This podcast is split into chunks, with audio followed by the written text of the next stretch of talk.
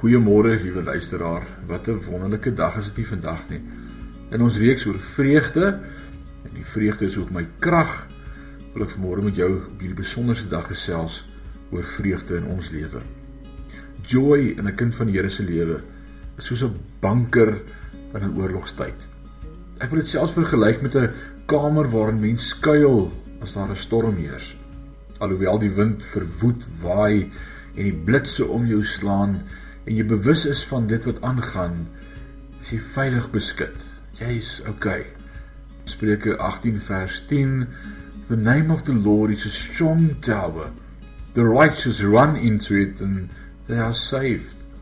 Jesus sy woord en ons hoop in hom is ons vreugde.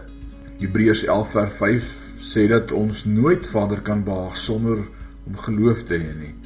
Net so sonder hoop kan ons nie glo nie. En sonder geloof in wie God is, dat sy karakter sonder gebrek is, het ons nie hoop of geloof nie.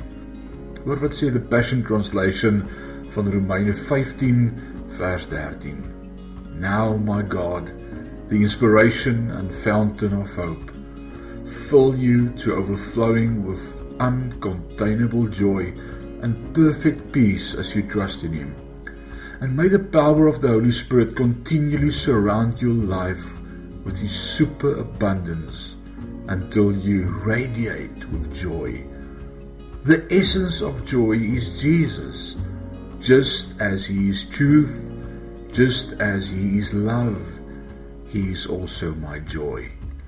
Bill High skryf die volgende: Joy for me as a Christian has come to mean joy is a spiritual experience of living in a personal relationship with a personal God whose very nature and identity is infinite goodness. We cannot find true joy in the possessions of good things, but only in our relationship with divine personal goodness. Jesus maak in Johannes 15 vers 11 die volgende stelling en ek lees vir jou die New Living Translation. I have told you these things so that you will be filled with joy. Yes, your joy will overflow. Ons herdenk vandag Jesus se hemelvaart. Van Jesus se laaste woorde voor hy opgevaar het, was sy belofte dat hy die Heilige Gees sal stuur. En hy het hy het sy Gees gestuur sodat ek en jy die volheid van wie hy is mag ken en kan beleef. Sodat ons met die wete kan leef, ek weet dat ek weet Jesus is genoeg. Hy wil ons deur sy gees konstant herinner aan wie ons in hom is. We are his royal priesthood, a chosen generation. We are blood-bought and redeemed. Openbaring 12 vers 11 lees ons net hoe om ons vreugde terug te neem en dit om oorwin deur die bloed van die lam en deur die woord van hulle getuienis. Dink bietjie terug aan God se goedheid in jou lewe. Onthou, onthou die tye wat Vader vir jou deurgekom het. Storms wil ons sig vertroebel en dit vir ons moeilik maak om te onthou. Al woed daar tans 'n storm, weet ek en jy daar was sonskyn daar. Daar waar daar geen wind of reën was nie en ons weet dat die son weer op 'n dag sal skyn. Ek moet myself konstant hieraan herinner. Ek moet myself aan God se goedheid herinner. Kom ons word vanmôre 'n oomblik stil.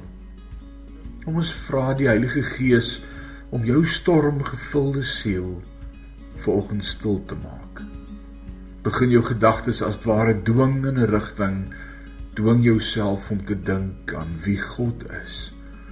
Psalm 119 vers 114 sê dit so mooi: You are my hiding place and my shield. I hope in your word. My gebed is dat die vyand se leuns nou sal stil raak in jou hart.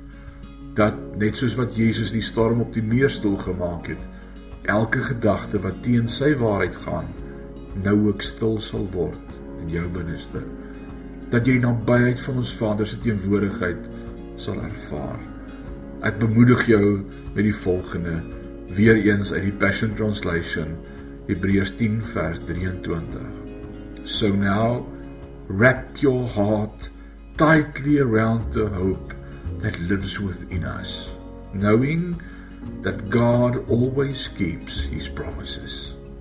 Ek sluit ver oggend af met 'n skrifgebed vir jou. Romeine 15 vers 13. Now, may God, the inspiration and fountain of hope, fill you to overflowing with uncontainable joy and perfect peace as you trust in him. And may the power of the Holy Spirit continually surround your life with his superabundance until you radiate with hope. Amen.